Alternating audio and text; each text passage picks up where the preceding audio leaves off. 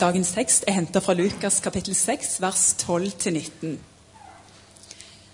På denne tiden gikk han en gang opp i fjellet for å be, og hele natten var han der i bønn til Gud. Da det ble dag, kalte han til seg disiplene sine, og av dem valgte han ut tolv, som han også kalte apostler. Det var Simon, som han også ga navnet Peter, og hans bror Andreas, Jakob og Johannes, Philip og Bartolomeus, Matteus og Thomas, Jakob, sønn av Alfeus, og Simon, som kaltes Seloten, Judas, Jakobs sønn, og Judas Iskariot, han som ble forræder. Sammen med dem gikk han ned igjen og stanset på en slette. Der var det samlet en stor flokk av disiplene hans og en stor mengde mennesker fra hele Judea og Jerusalem og fra kyststrøkene ved Tyros og Sidon. De var kommet for å høre ham og bli helbredet for sine sykdommer. Også dem som var plaget av urene ånder, gjorde han friske. Og alle i mengden prøvde å få røre ved ham, for de gikk ut fra ham en kraft som helbredet alle. Slik lyder Herrens ord. Som en krybbe, jeg åpner meg for deg. Under ditt kors, jeg bøyer meg. Med kraften fra din oppstandelse, jeg følger deg. Er jeg en disippel? En disippel det er et, eh, på en måte et fremmed ord for oss. Læresvein eller læresvenn eller lærling er kanskje bedre, for det er i bruk fortsatt i det norske språket. Det betyr enkelt og greit en som har lyst til å følge Jesus og bli lik ham og gjøre det han gjør. Og Det er noe vi holder på med hele livet. Vi blir aldri utlært som disipler. Og det er meningsløst å prøve å finne ut hvem som er på A-laget og hvem som er på B-laget av disiplene. Vi snakket om sist om dette med å lære å holde alt det jeg har befalt dere. At han på en måte ga dem en slags befaling når han sendte dem ut. Og så spurte vi oss litt ja, på en måte, hva var det som han lærte dem og befalte dem. Ofte så oppsummerer man det med bergpreika. Men det er like mye det han på en måte levde og sa, og alt som var innimellom, veldig mye som kanskje ikke engang er gjengitt, men det handler om at det disiplene hadde lært og erfart på kroppen, det skulle de nå på en måte ta med seg og, og gi videre. Saligprisningene, som er en del av dukkedramaet i stad, det er jo begynnelsen på bergpreika. Og Her får vi på en måte presentert kunnskapen om hvordan vi skal leve. Og så tenker jeg, Alt det må han ha levd. Det har ikke vært en sånn en avstand mellom det han sa når han talte til det store folk som hørte på han der, og det som han levde. Vi blir aldri ferdig med å studere Jesus. Hele livet hans det blir modell for vårt liv. Og vi har jo de evangeliene som er kilden til det livet som han levde mens han var her. En som jeg siterer i det som jeg har skrevet om slitesterkt disippelliv, Michael Frost. Han bruker uttrykket at han anbefaler oss å sette av tid hver uke til å marinere oss i evangeliene. Ta ut den delen av Bibelen som heter evangeliene, som forteller livet Jesus levde. Fordi at Når vi blir kjent med de tekstene og nesten kan dem utenat, og hører dem om igjen og om igjen, så gjør det noe med oss. Det hjelper oss til å bli mer lik han. En Jesu disippel vil ligne Jesus i tanke, ord, handling og holdning. Det kjennetegner oss. Så Derfor spør vi hvordan levde Jesus kan vi finne kjennetegn eller typiske trekk ved Jesu liv. Og For mange av oss så har trekanten blitt et sånn enkelt og slitesterkt symbol for det. Og Derfor er det også et symbol for det å være kristen og det å være menighet. På en måte en del av eh, ikke bare vår menighetsspråk, men det er et del av mange menigheters språk i verden i dag. Vi husker jo at trekanten assosieres med treenigheten. og Det begynner gjerne der. at det, jo, det har jo noe med kristendom å gjøre, dette her, treenigheten, men trekanten kan også fylle flere funksjoner. Vi er del av et nettverk som heter Agenda 1, med menigheter i Sandnes, i Norge og over hele verden. Og det læringsnettverket, Der bruker vi denne trekanten fordi den viser seg å være like lett å snakke om i Norge som i Mali blant analfabeter som ikke har lært å gå på skole, eller sånne ting, men som likevel kan fange hva denne trekanten symboliserer. Så hva handler det om?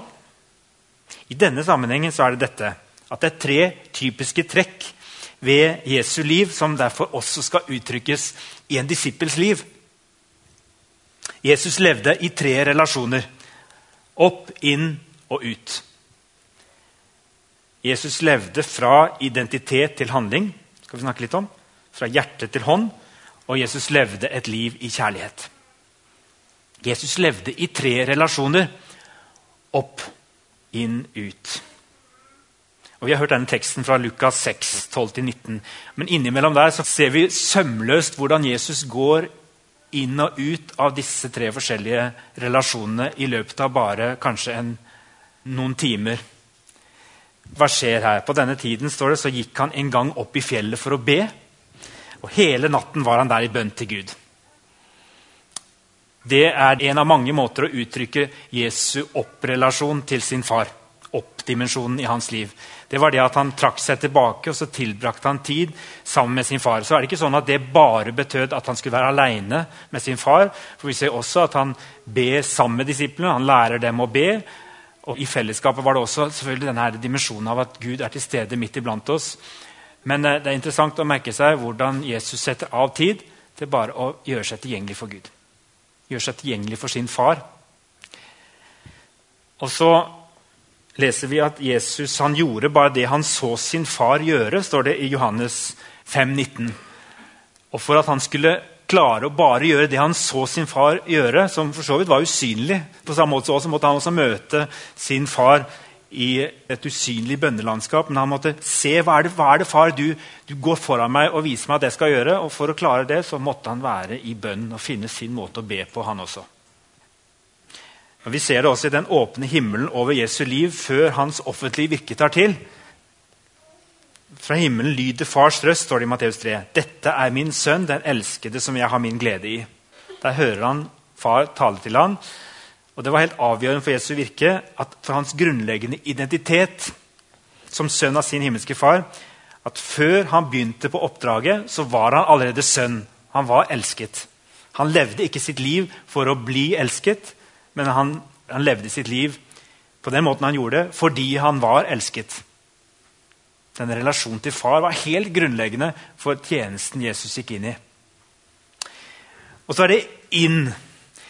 For det andre så leser vi her i Lukas 6, 12-17 at Jesus etter å ha vært i fjellet for å be, kalte til seg disiplene.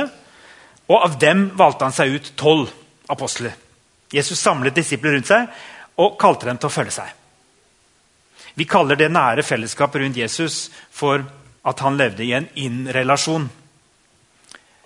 Inn i et nærmere fellesskap. Og I en og samme tekst så hører vi at det var flere som heter disipler enn de tolv. Han hadde tolv som han brukte mest tid sammen med, men så ser vi også rett etterpå at han, at han møter mange andre disipler på sletta.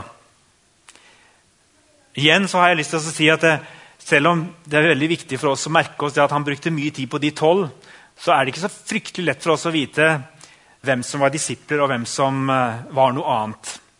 Hvis vi får en beskrivelse her rett etterpå av, av veldig mange mennesker, disipler og folket. Vi kommer tilbake til det. Men Jesus han valgte ikke solospillet. Det er det som er poenget her.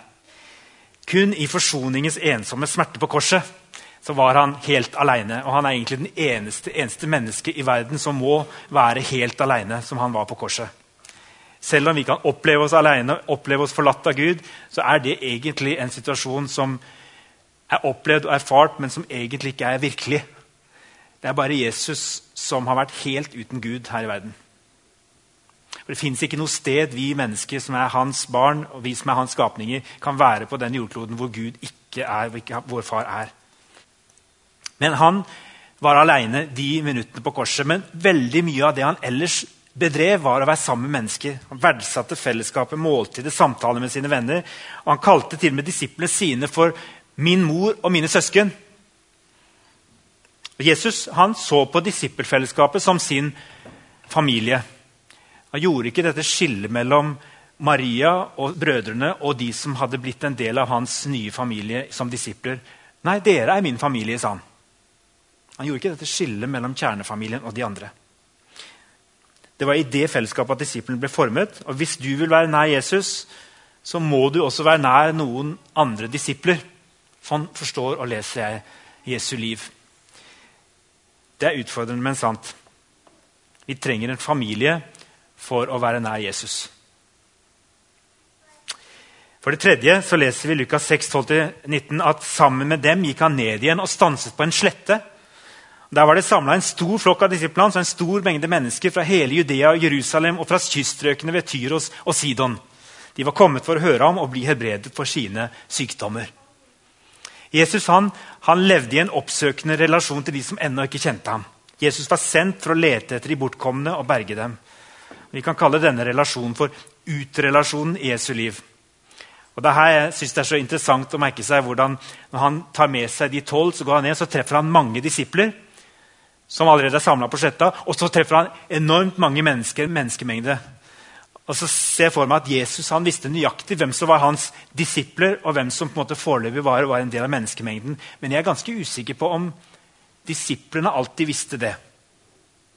Vi kan kanskje bli veldig fokusert og opptatt av å definere hvem som er en del av folket, bare, og hvem som er blitt disippel allerede. Jesus har full kontroll på det. Han kjenner hjertene til mennesker. Men akkurat den inndelingen der, den, den, ser vi her, den er litt sånn utydelig. Det var en stor mengde disipler som var samlet der, og mange mennesker fra ulike kanter av distriktet. Jesus levde i en sånn utrelasjon, og så hadde han sirkler av mennesker rundt seg til enhver tid. Noen var nærmere fordi de selv var i ferd med å bevege seg mot han, tettere og tettere inntil han. Noen sto litt på avstand, men han forholdt seg til både denne inn-relasjonen og denne ut-relasjonen hele tiden. Jesus levde sitt liv blant tollere og syndere. De holdt seg nær til ham. Jesus dro på fest i Levis hus. Var de folket, eller var de allerede blitt disipler? De som var på besøk i den festen? Vet ikke. Jesus dro i bryllup i Kana i Galilea. Det var mye slags forskjellige folk i det bryllupet. Hvem var disipler? Hvem var folket? Han var der i hvert fall midt i festen og gjorde seg synlig. Han inviterte seg selv hjem til tolleren Sakkeus, som ble en disippel i løpet av måltidsfellesskapet med Jesus. Vi ser at Et typisk trekk ved Jesu liv altså det er at han lever i tre relasjoner. Til far, til disippelfamilien og ut til folket. Fordi Guds rike er nær, sa han. Og Da mente han å si at Gud kom nær både disiplene, de nærmeste, men han var allerede nær også folk flest. Helbredelse kunne skje for en hvilken som helst person midt ute på gata som han bare kom i berøring med, før de hadde rukket å bli kjent med Jesus. Altså Guds rike var på gang ute i det samfunnet, og han er fortsatt på gang nå. Midt i vårt samfunn. Det er ikke vi som går ut og skaper Guds rike. Guds rike er nær. Ute blant folk. Men vi skal få lov til å være i hvert fall ikke være til hinder for at han får lov til å gjøre sitt virke iblant oss i samfunnet vårt. Hvordan kan vi være med på en måte å kanalisere det, disse relasjonene, så de lever, og folk kommer tettere innpå far, som er målet. Så hva er en disippel? Jo, en disippel er en som lever sånn Jesus levde, nemlig opp, inn, ut. Så er dette andre, at Jesus han levde fra identitet til handling fra identitet til handling. Jesu dåp og den himmelske proklamasjonen av hvem Jesus var, i Matteus 3, den kommer før hans offentlige virke. Hans identitet og tilhørighet til sin far den er fra evighet. 'Dette er min sønn', ropte far. 'I ham har jeg min glede'. Han sto nede i Jordanelva og ble døpt av Johannes mens denne stemmen lyder. Så begynte hans aktive tjeneste. Dette ordet her, det ble veldig viktig for meg for noen år siden. Jeg var på Modum, hadde vært ganske sliten, var utbrent.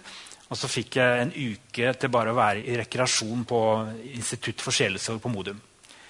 Og en eller annen grunn så var det de ordene der som jeg aldri hadde sett på den måten før. For jeg har ofte tenkt jo, Jesus hører far si 'Du er min sønn, i deg har jeg min glede'.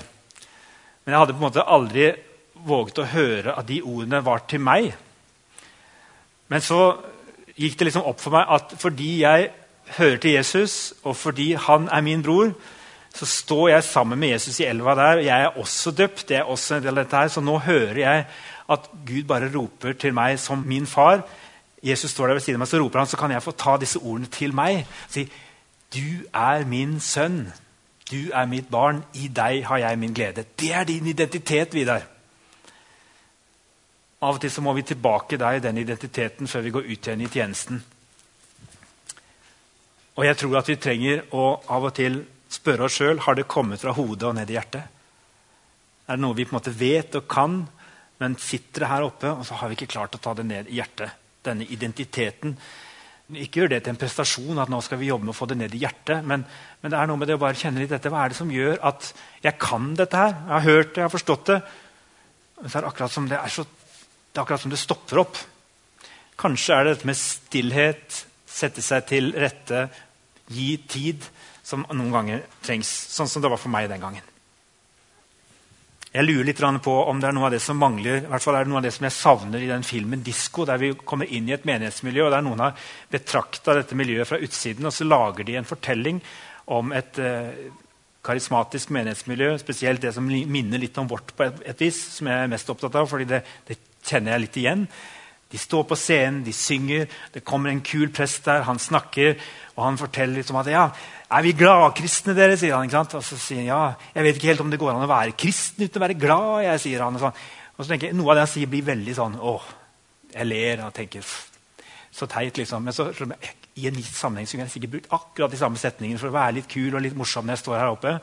Og så er det det at den som da kommer inn og bare ser det, og ikke opplever noe nært liv, og ikke opplever kontakt, ikke opplever at det er noe mer, de har bare sett denne fasaden, de, de kan da lage seg et bilde.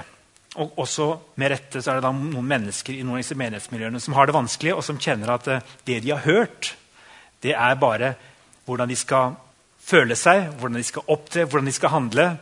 Forventninger til hvordan de bør være. Og så har de ikke fått ned i hjertet at de er elska først. At det ikke handler om prestasjon og ikke forventninger til det. Men at det begynner jo med evangeliet. Det begynner med at du er god nok sånn som du er. Og så skal vi ta deg med på en reise sammen med Jesus som vil gi deg utfordringer. Men det er der du har din identitet.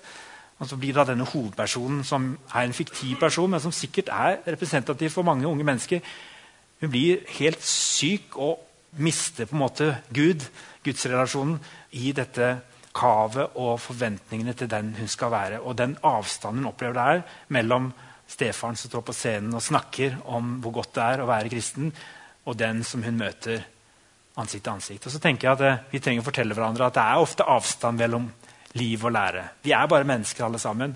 Men da må vi også våge å snakke ærlig om det. og si at Disippellivet det leves der nær mennesker.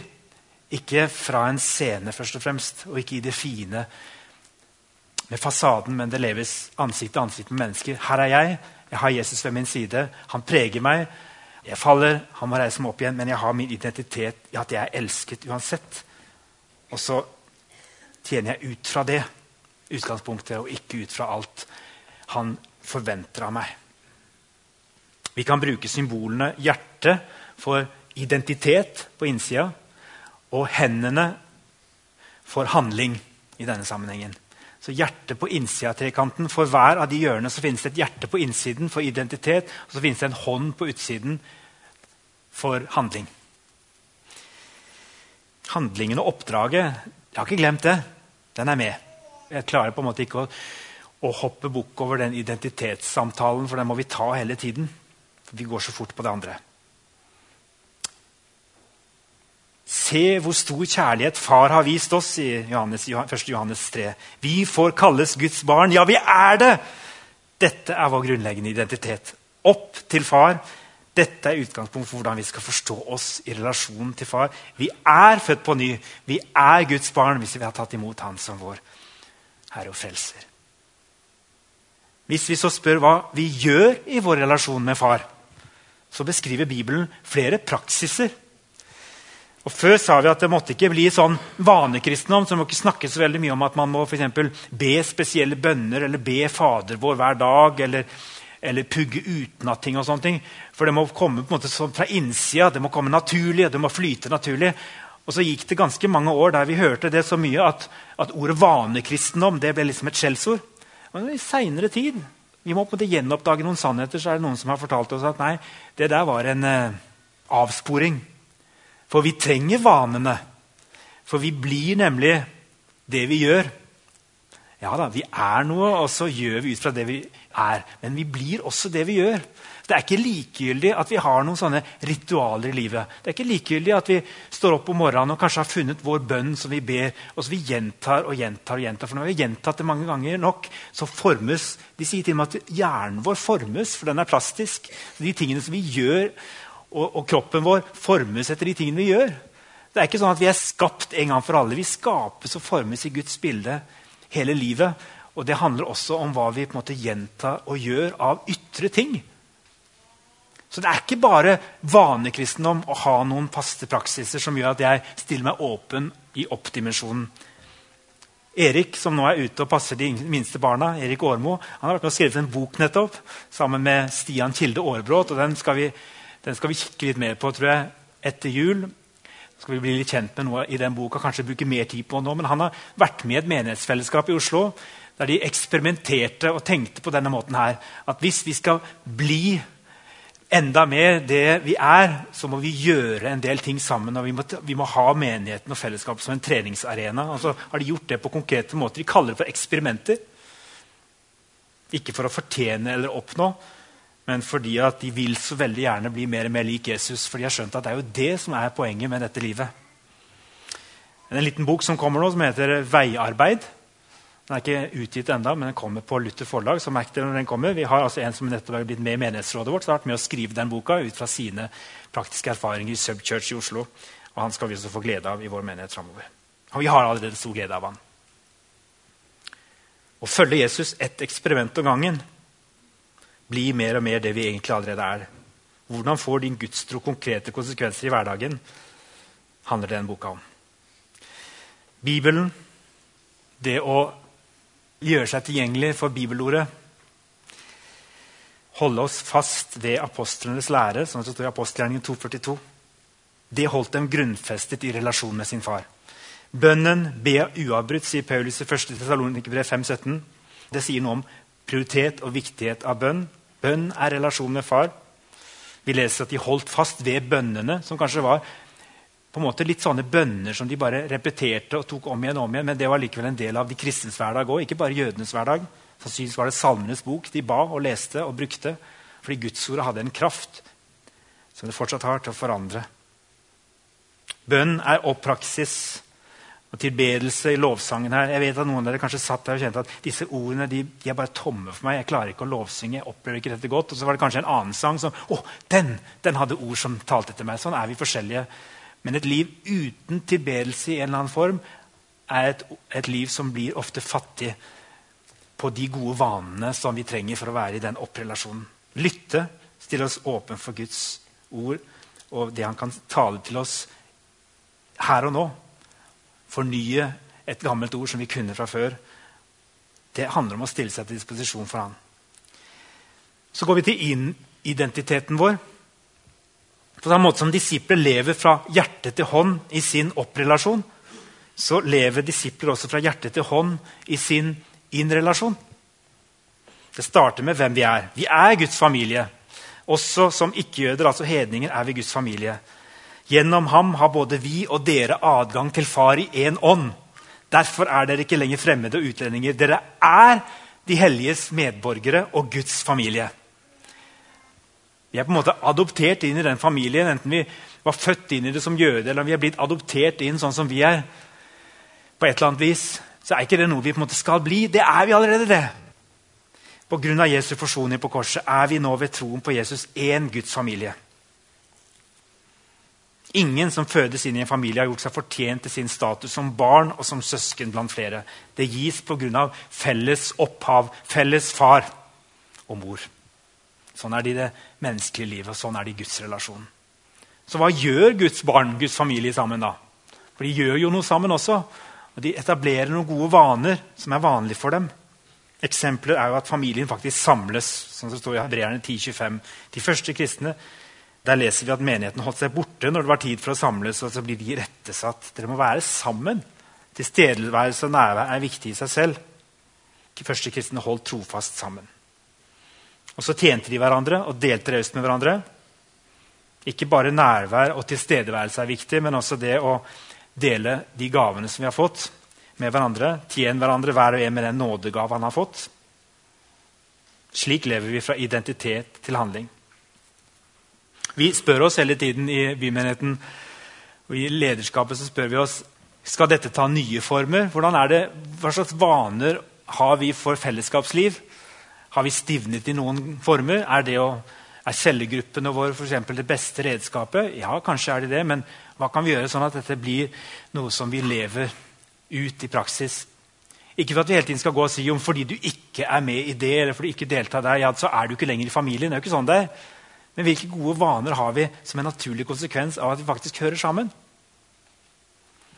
Vi ble veldig utfordret av fortellingen om huskirke på Jørpeland og i Oslo på ledersamling sist lørdag.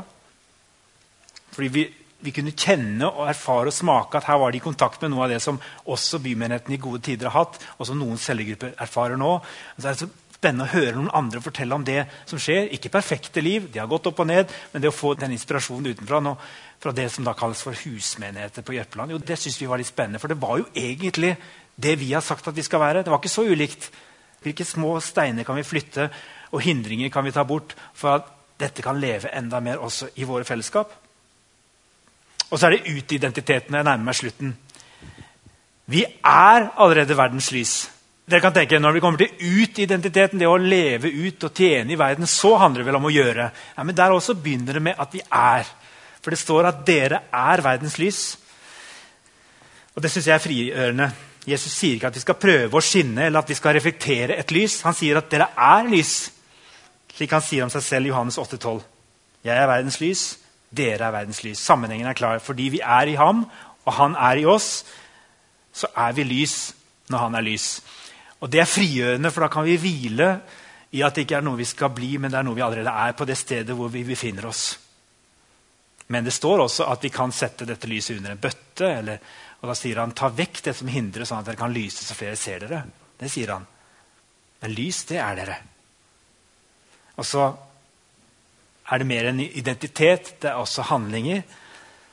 Det er godhet. Jeg er verdens lys. Vi skal skinne, dvs. Si at vi skal gjøre gode gjerninger, som Jesus sier i Matteus 5, 16.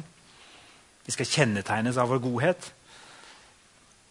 Og vi skal vitne på ulike måter. Dere skal få kraft når Den hellige ånd kommer over dere. Dere skal være mine vitner Jerusalem, hele Judea, i Samaria og helt til jordens ender. Det er en naturlig del av deres identitet, av det å være lys.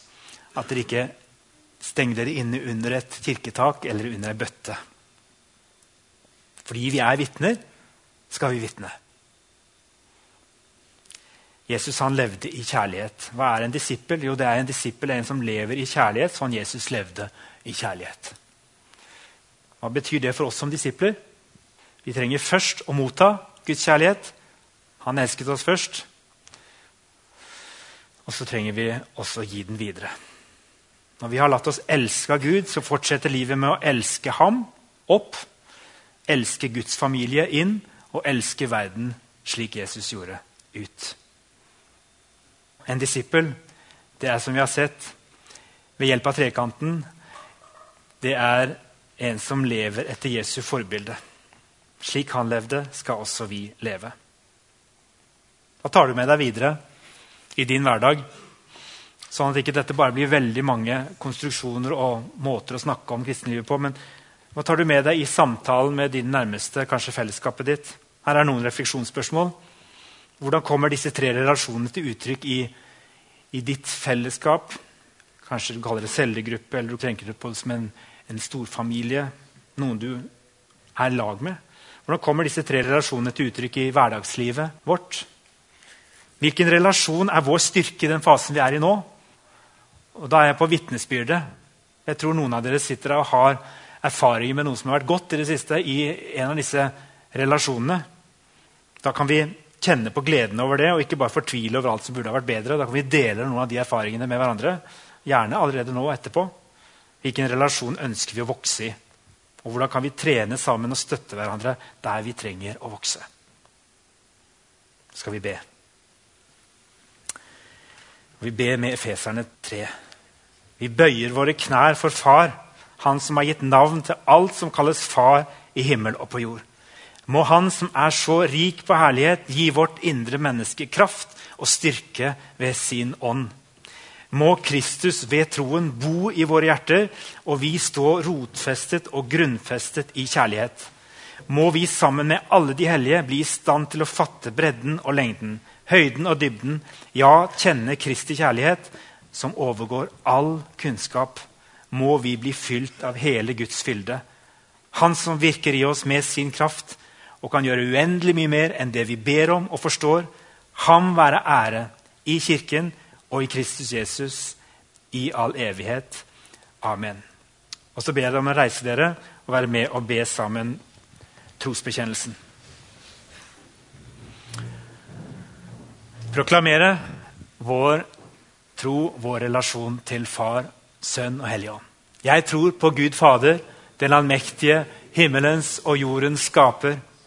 Jeg tror på Jesus Kristus, Guds enbårne Sønn, vår Herre, som ble unnfanget ved Den hellige ånd, født av jomfru Maria, pint under Pontius Pilatus, korsfestet, død og begravet, for ned til dødsriket, sto opp fra de døde tredje dag, for opp til himmelen, sitter ved Guds, den allmektige Faders høyre hånd, skal derfra komme igjen for å dømme levende og døde.